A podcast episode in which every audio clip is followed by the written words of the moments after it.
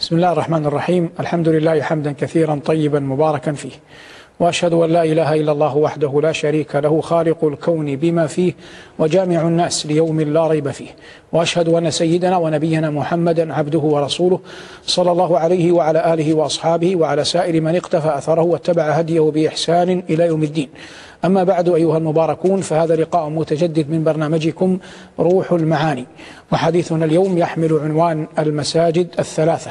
مقتبس مأخوذ من قوله صلى الله عليه وسلم لا تشد الرحال إلا لثلاثة مساجد المسجد الحرام والمسجد الأقصى ومسجد هذا.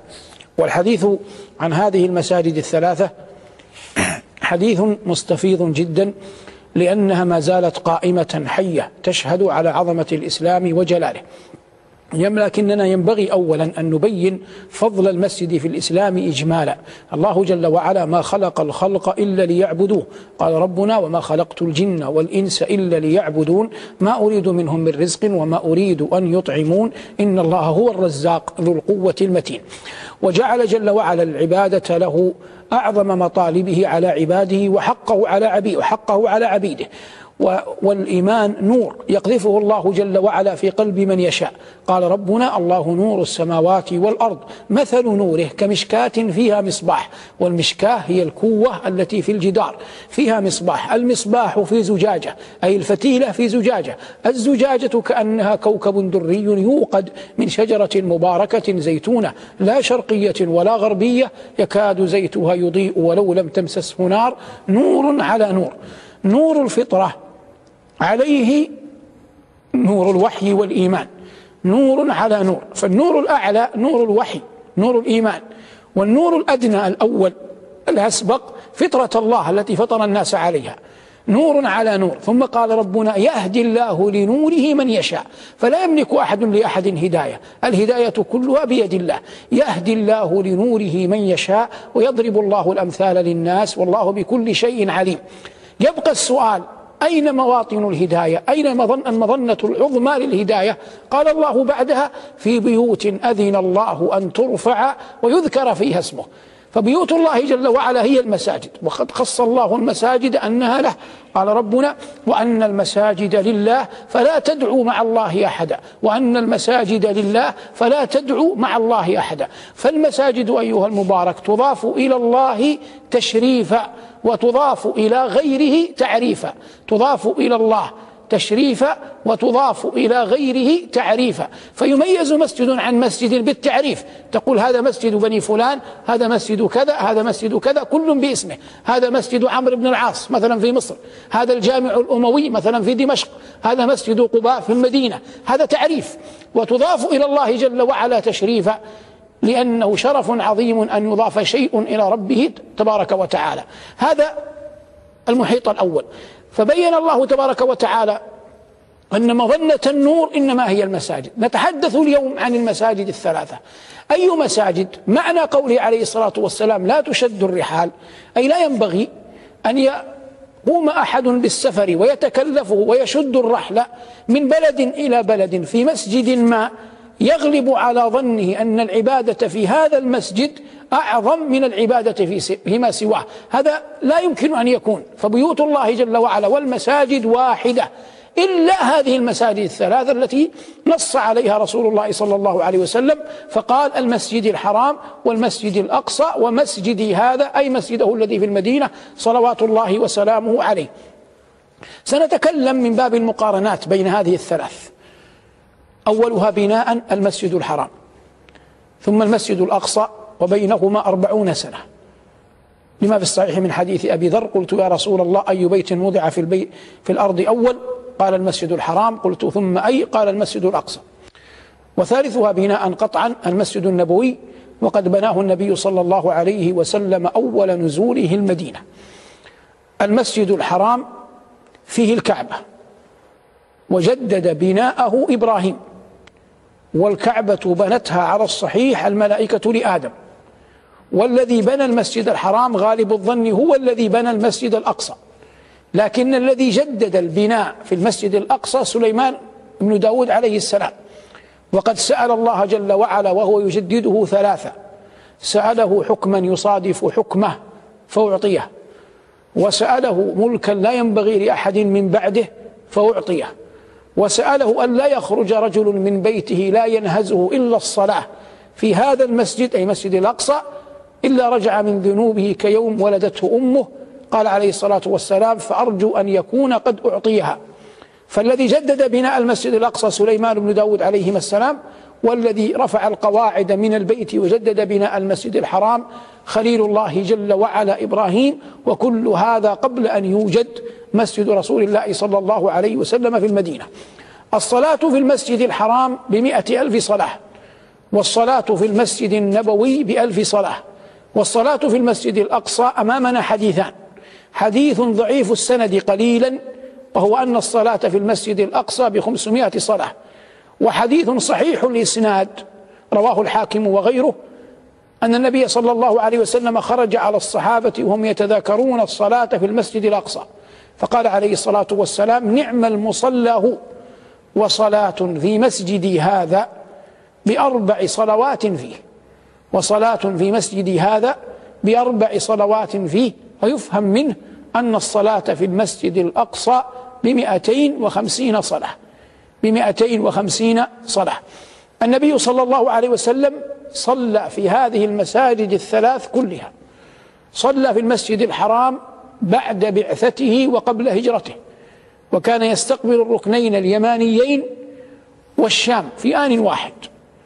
لكنه لم يصلي فيه جماعة إماما إلا بعد فتح مكة.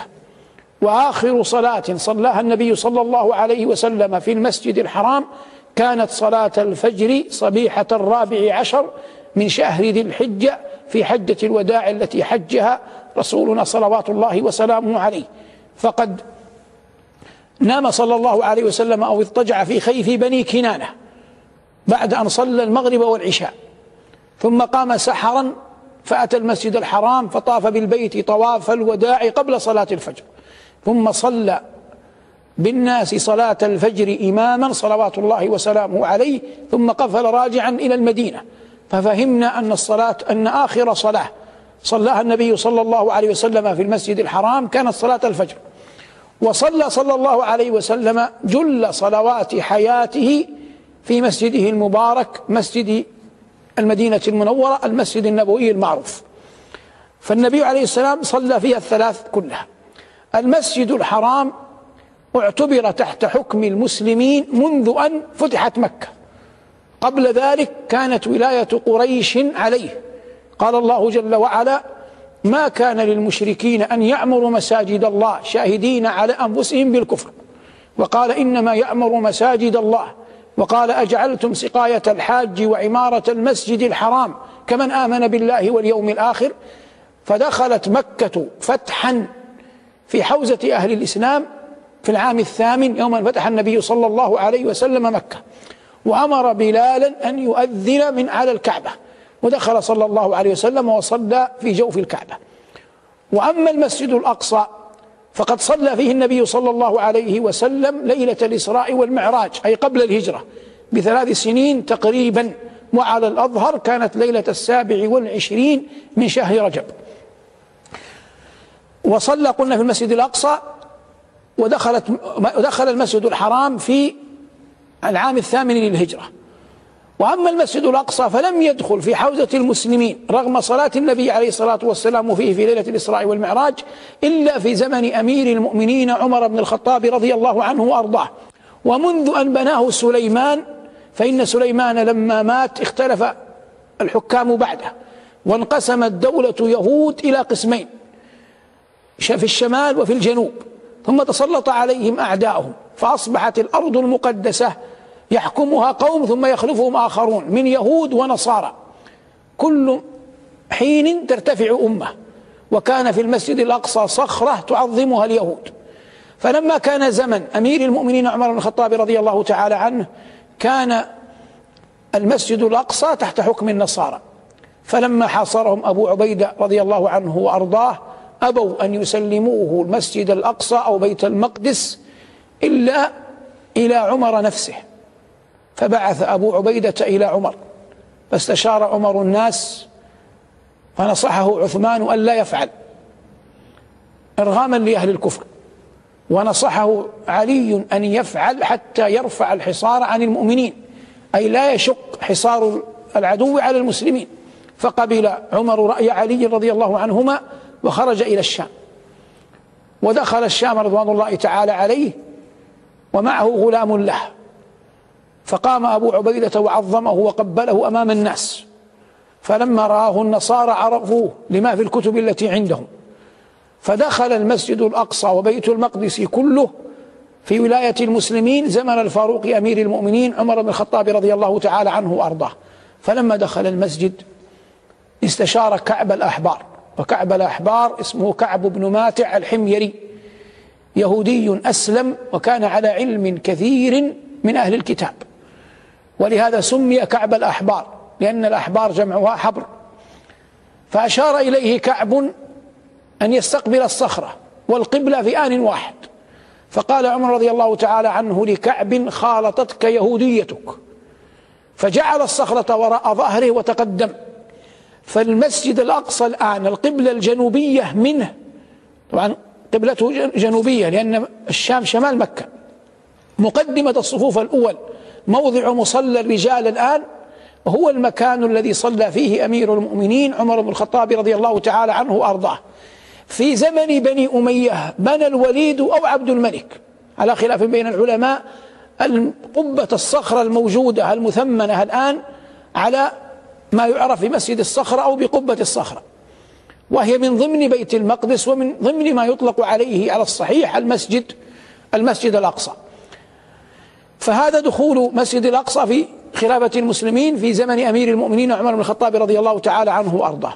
ثم تعرض المسجد كما هو معلوم لغزو الصليبيين ومكث في حوزتهم تسعين عاما في حين بقي المسجد الحرام والمسجد النبوي كما هما تحت حكم المسلمين. فبقي المسجد الأقصى تسعين عاما ثم حرره الله على يد صلاح الدين الأيوبي بعد معركة حطين المعروفة. أرى النصر مقرونا براياتك الصفراء فقم فاحكم الدنيا فأنت بها أحرى. هذا مما قيل في مدح صلاح الدين رحمه الله تعالى رحمة واسعة. فتحرر من أرجاس الصليبيين وعاد إليه الحكم الإسلامي وخطب على المنبر وصلى المسلمون الجمعة فيه وفرحوا فرحا عظيما واستمر والحال والأمر إلى أن قامت دولة إسرائيل عام 48 للميلاد. ثم احتلت اليهود. الإسرائيليون احتلوا المسجد الأقصى والضفة الغربية وما يعرف بقطاع غزة وشيئا من الجولان. احتلوا عام 67 في حرب الخامس من حزيران عام 67 لمدة ستة أيام. وتعمد اليهود أن تكون الحرب ستة أيام حتى توافق ما كان من يوشع بن نون عندما حارب الجبارين ستة أيام بدءا من الأحد إلى إلى السبت حتى يزيد اليهود قناعة في دينهم.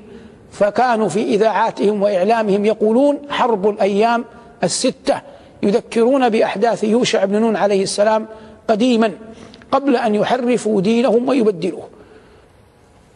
فأضحى المسجد الأقصى في حوزتهم إلى اليوم نسأل الله أن يرده عاجلا غير آجل وما زال المسلمون يبكون فقده إلى ساعاتنا هذه ينشدون فيه الأشعار ويبكون فيه الديار والله غالب على أمره ولكن أكثر الناس لا يعلمون.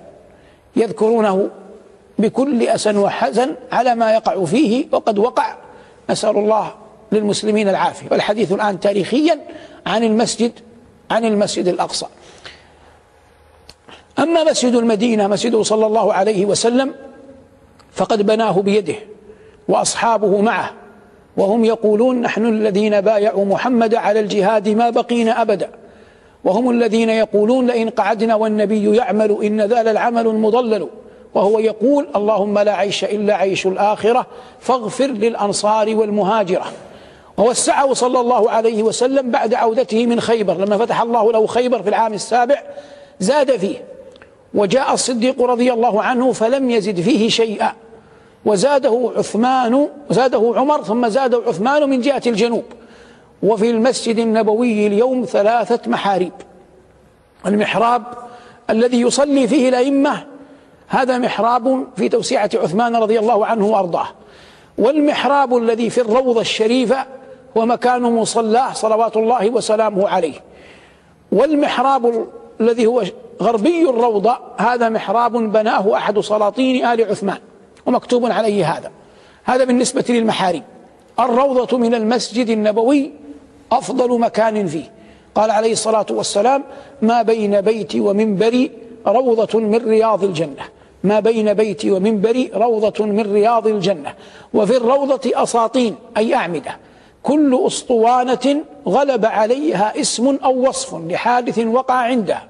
فمثلا من الأسطوانات التي في الروضة الآن أسطوانة التوبة وسميت باسطوانة التوبة لأن أبا لبابة رضي الله تعالى عنه وأرضاه لما أخبر بني قريظة بأن النبي عليه الصلاة والسلام قد عزم على قتلهم وأشار إليهم أن الذبح ندم على أن قال فربط نفسه في تلك الاسطوانة حتى يحل وثاقه رسول الله صلى الله عليه وسلم وقد فعل. فعرفت تلك الاسطوانة باسطوانة التوبة. واسطوانة أخرى يقال لها اسطوانة الحرس أو اسطوانة علي رضي الله عنه وأرضاه. فقد كان النبي صلى الله عليه وسلم قبل أن ينزل قول الله جل وعلا والله يعصمك من الناس كان أصحابه يحرسونه. فكان علي يقف وراءه وهو خلف تلك الاسطوانة صلوات وهو عند تلك الاسطوانة صلوات الله وسلامه عليه. واسطوانة يقال لها اسطوانة عائشة.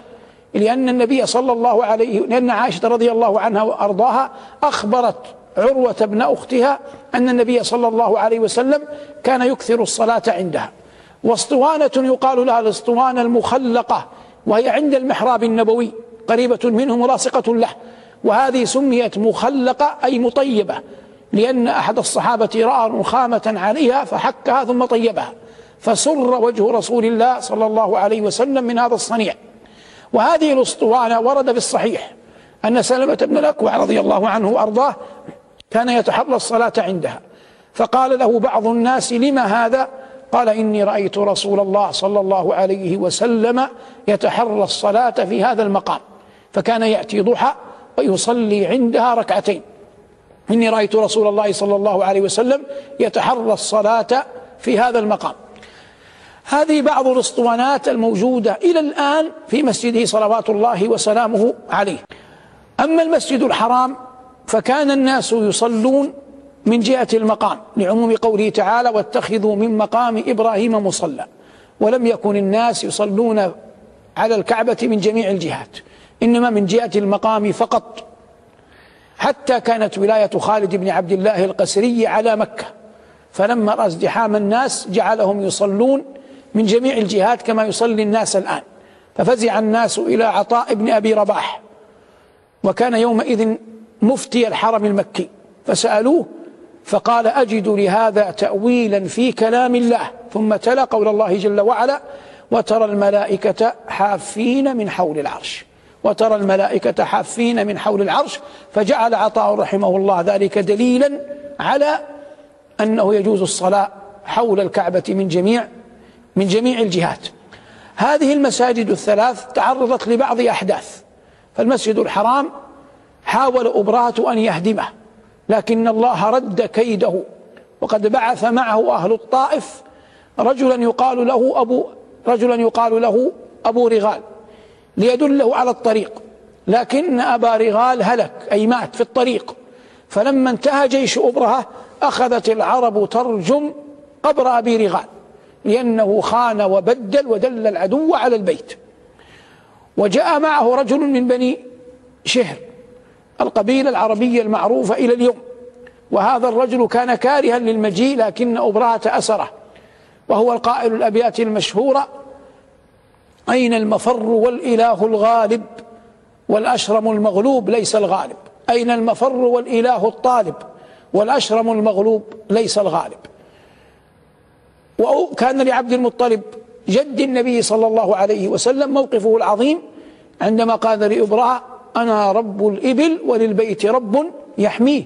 ثم أخذ بحلق حلق باب الكعبة وقال اللهم إن المرء يمنع رحله فامنع رحالك لا يغلبن محالهم أب وصليبهم أبدا محالك. حتى كان ما كان من إهلاك الله جل وعلا لإبراءة وجيشه. ومما أصابه كما بينا في حديثنا عن الكعبة ما كان من أبي طاهر القرمطي وقد فصلنا ذلك في حينه. هذا أعظم حدثين تعرض لهما المسجد الحرام.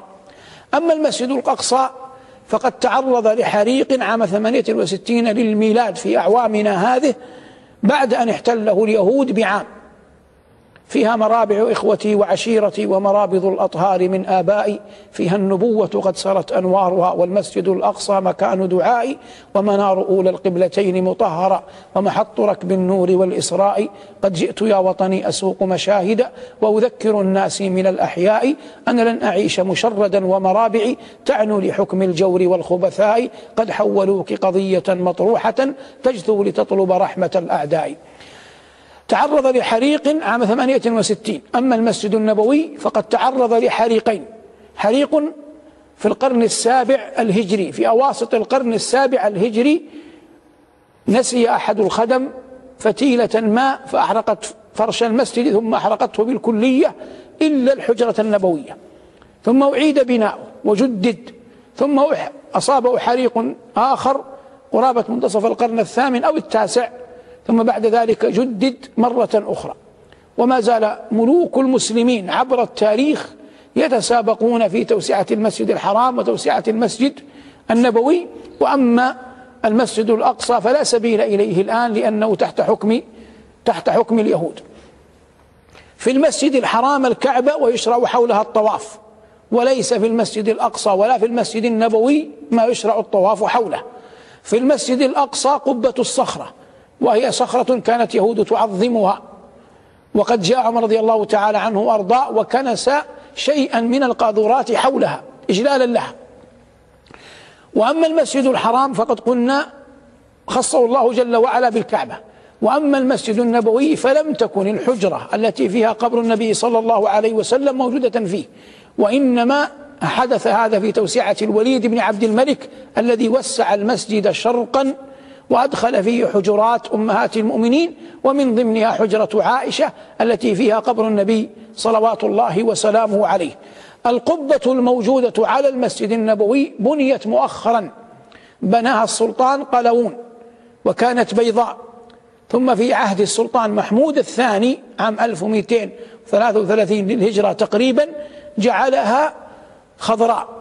فزمن القبة الخضراء قرابة 200 عام لا أكثر. قرابة مئتي عام. أما في زمن النبوة فقد كانت حجرات أمهات المؤمنين غير داخلة في المسجد أصلا. لكنه في زمن الوليد بن عبد الملك في أواخر القرن الأول وأوائل القرن الثاني بنيت أدخلت تلك الحجرات في مسجده صلوات الله وسلامه عليه من جهة الشرق. هذا أيها المباركون جملة إطلالة تاريخية على هذه المساجد الثلاثة التي قال النبي صلى الله عليه وسلم فيها لا تشد الرحال إلا لثلاثة مساجد المسجد الحرام والمسجد الأقصى ومسجد ومسجد هذا. رحلة الإسراء والمعراج كانت من المسجد الحرام إلى المسجد الأقصى وقد نص الله جل وعلا في كلامه العظيم عن هذه المساجد. قال الله جل ذكره فولي وجهك شطر المسجد الحرام فهو قبلة المسلمين وقبلة إبراهيم من قبل.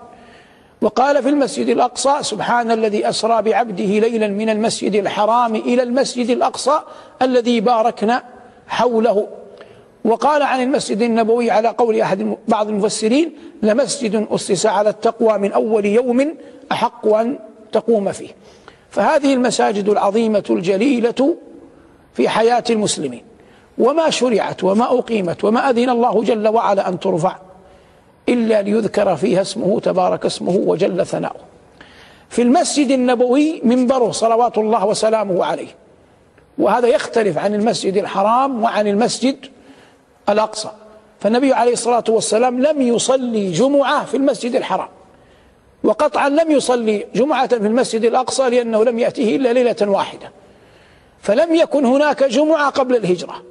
وعام الفتح لم يصلي صلى الله عليه وسلم فيما نقل إلينا صلاة جمعة في المسجد الحرام ولا في حجة الوداع لأن في حجة الوداع كان يوم الجمعة يوم عرفة وما صلى صلى الله عليه وسلم الجمعة في صعيد عرفات لكن في مسجده الطاهر الشريف كان صلى الله عليه وسلم يصلي الجمعة فكان في أول أمره يتكئ على جذع نخل.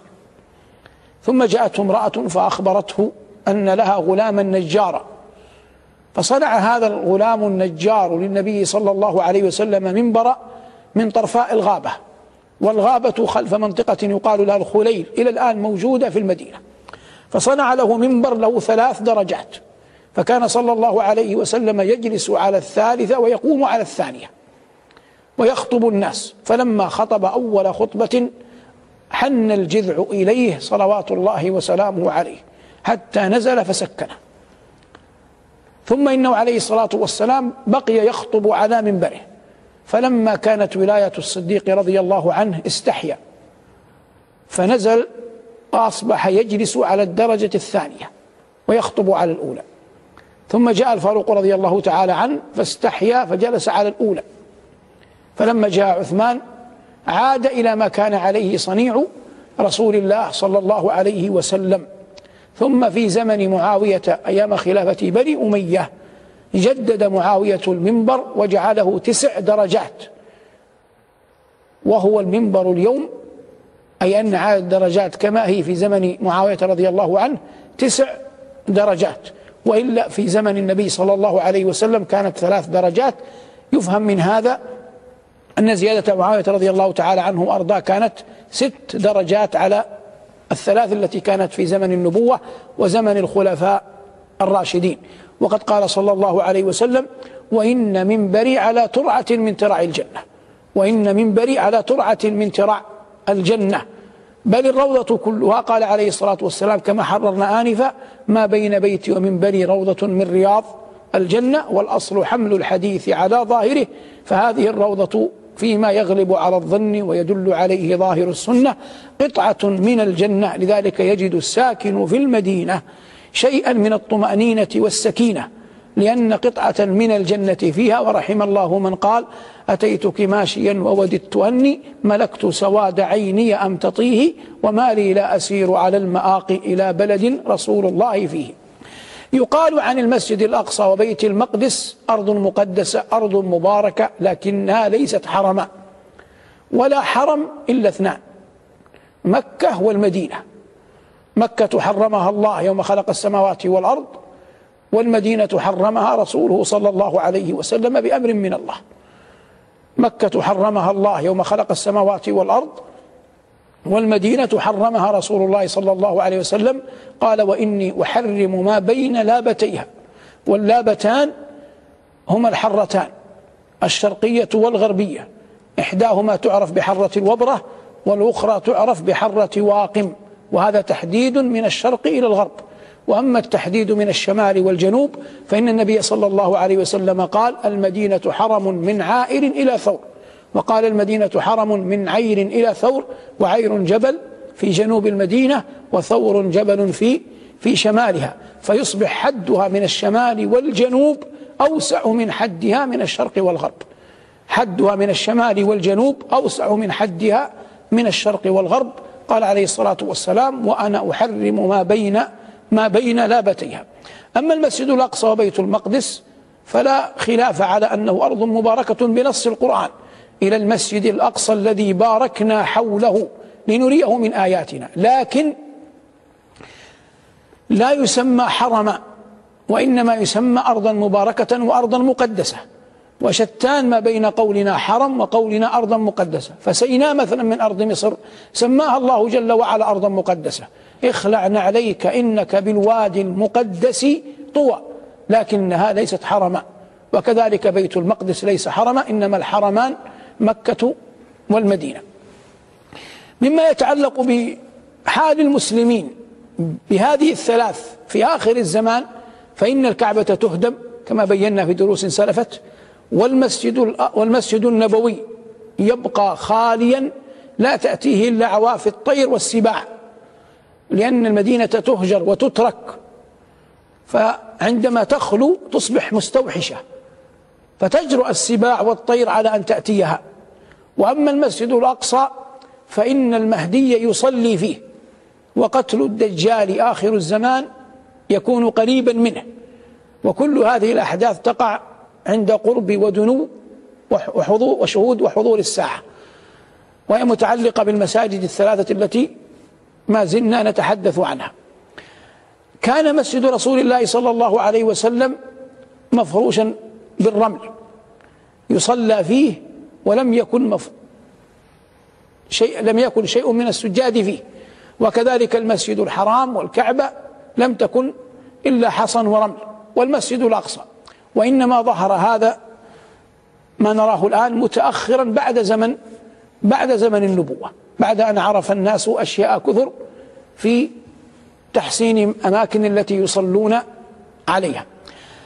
جعل النبي صلى الله عليه وسلم سقف مسجده من جريد النخل. وقد ورد أنه لما كلم في هذا قال بل عريش كعريش موسى. فكان المطر إذا نزل ووكف تبتل أرض المسجد تصبح طينا. فإذا سجد صلى الله عليه وسلم ظهر ذلك على جبهته. كما في حديث أبي سعيد الخدري رضي الله تعالى عنه وأرضاه أنه صلى الله عليه وسلم اعتكف العشر الوسطى من رمضان. ثم تبين له أن ليلة القدر في العشر الأواخر. فقام خطيبا في الناس يقول إن الذي أتحراه أمامي فمن كان معتكفا فليعتكف معي وإنني رأيت أنني أسجد صبيحتها في ماء وطين. قال أبو سعيد فمطرت السماء تلك الليلة فوقف المسجد فرأيت أثر الماء والطين في جبهة النبي صلى الله عليه وسلم. إدخال الحجرة النبوية الطاهرة إلى المسجد اختلف. هل صنعه الوليد قربة أو صنعه سياسة؟ فمن قاله من قال أنه صنعه قربة أخذ بظاهر الحدث وأن القيم على الأمر وإعادة التوسعة كانت على يد عمر بن عبد العزيز ولا يشك في صلاحه. والقائلون بأنه فعله سياسة قالوا إن الحسن المثنى ابن الحسن بن علي رضي الله تعالى عنه وأرضاه. رأى رآه بعض الناس يؤمه وجوه القوم وعلماء المدينة في حجرة فاطمة رضي الله تعالى عنها وأرضاها. فخاف هذا الرأي على ملك بني أمية فأخبر الوليد وقال إن الأمر إذا استدام كذلك لا يبقى لكم ملكا. فسأل الوليد من حوله ماذا يصنع فأشاروا عليه بتوسعة المسجد. وإدخال حجرات أمهات المؤمنين ولأن حجرة فاطمة كانت غير بعيدة عن حجرة عائشة. حجرة علي وفاطمة كانت غير بعيدة عن حجرة عائشة. فيكون في توسعة المسجد من جهة الشرق طريقا وسبيلا إلى هدم حجرة فاطمة حتى لا يصبح هناك أثر لهم بعد ذلك. قلنا هذا المخرج السياسي الذي يقوله بعض الناس. ثم إنه وقع الأمر وهدمت حجرات أمهات المؤمنين بما فيها حجرة فاطمة رضي الله تعالى عنها وأرضاها وأجبر الحسن وأمه وأهل بيته على الخروج. وقيل إنه أبى. وأخذ الناس من بني أمية يهدمون وهو في الدار. فجاء عامة أهل المدينة إلى الحسن وقالوا لا تعرضوا أنفسكم لصنيع سفهاء بني أمية. فخرجوا وابتنوا دارا أخرى فهدمت تلك الدور شرق المسجد وأدخلت في المسجد النبوي الشريف. فلا يحتج أحد على أن على جواز إدخال القبر في المسجد بهذا الأمر لأن هذا الأمر إلى صنيع السياسة أقرب منه إلى صنيع أهل الديانة. إلى صنيع السياسة أقرب منه إلى صنيع أهل أهل الديانة. وإلا قد كان المسجد النبوي في زمن الراشدين الأربعة وزمن معاوية وابنه يزيد وزمن عبد الملك كذلك كله بعيد جدا عن حجرات أمهات المؤمنين لا اتصال ما بين الحجرات وما بين المسجد هذا له حكمه وهذا له حكمه. حتى كان زمن الوليد كما بينا وقد قلنا مرارا والله غالب على أمره ولكن أكثر الناس لا يعلمون. هذا أيها المبارك ما يتعلق, يتعلق إجمالا بهذه المساجد الثلاثة التي جاء الشرع بتعظيمها. يبقى مسجد قباء لا يكون كغيره من المساجد ولا ينال درجة المساجد الثلاثة. فلا يجوز شد الرحل إليه لكن يجوز أن يتوخاه الإنسان فيطهر في بيته ثم يأتيه ليصلي فيه ركعتين. قال صلى الله عليه وسلم من تطهر في بيته ثم أتى مسجد قباء فصلى فيه ركعتين كتب له أجر عمرة. جعلنا الله وإياكم ممن تألف قدماه القدوم إلى بيوت الله. ونفعنا الله وإياكم بما قلنا وصلى الله على محمد وآله والحمد لله رب العالمين والسلام عليكم ورحمة الله وبركاته.